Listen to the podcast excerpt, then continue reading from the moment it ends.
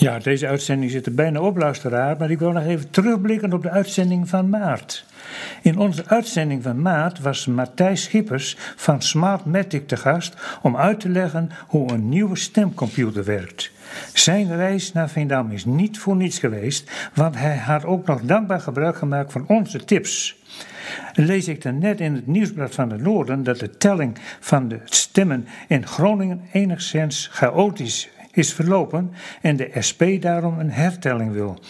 Onze commissaris van de Koning, René Paas, pleit voor een herintrede van de stemcomputer. Jawel, maar hoe dan ook, met of zonder computer, stemmen, het is voor ouderen en slechtzienden met de huidige methode haast niet meer te doen. Ik snap dat velen dan denken: bekijk het maar, mij te ingewikkeld. Ik heb als gemachtigde gestemd voor een slechtziende.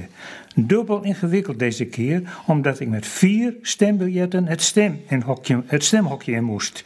Het samen invullen van de machtigingen was al ingewikkeld genoeg. Hoe en waar vind je de kandidaat van jouw keuze?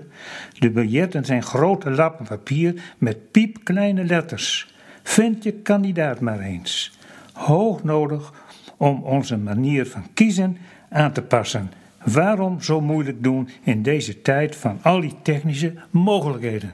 Nou, dat is wel een heel pleidooi voor de stemprinter. Toch wel, ja zeker. Ik dacht, dat kan ja, maar ik vond toch, wat we de vorige keer hebben gezien, vooral als hij het nog aanpast.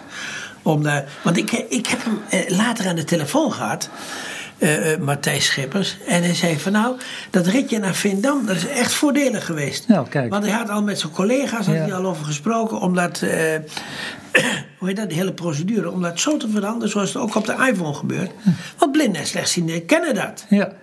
Het speelt dus wel, want uh, ik kwam uh, tegelijkertijd met onze burgemeester, burgemeester van Vindam, het stemlokaal binnen. En toen schoot hij mij aan en toen kwam het op een of andere manier kwam te sprake dat wij dus in onze uh, vorige uitzending het hadden gehad over de stemcomputer. Hij zegt, ja, ik heb ook gehoord dat er ergens in Holland ook een stemcomputer geprobeerd wordt tijdens deze stemmingen. En toen komt... Ja, maar, maar dat, is, dat is niet waar, hè? Nou, nee, maar ook Dat is een mal die gebruikt wordt. Nou ja, mal, oké. maar zo kwamen we dus op onze uitzending en hij was dus zeer geïnteresseerd. En uh, dat betekende dat ik hem dus de uitzending van de vorige keer toegestuurd heb. Ik dacht, ah, dat is toch altijd mooi meegenomen. Dus die belangstelling is er wel. En heeft hij het gehoord? Hij heeft het zeker gehoord, want ik heb gezien dat dit ge, beluisterd heeft.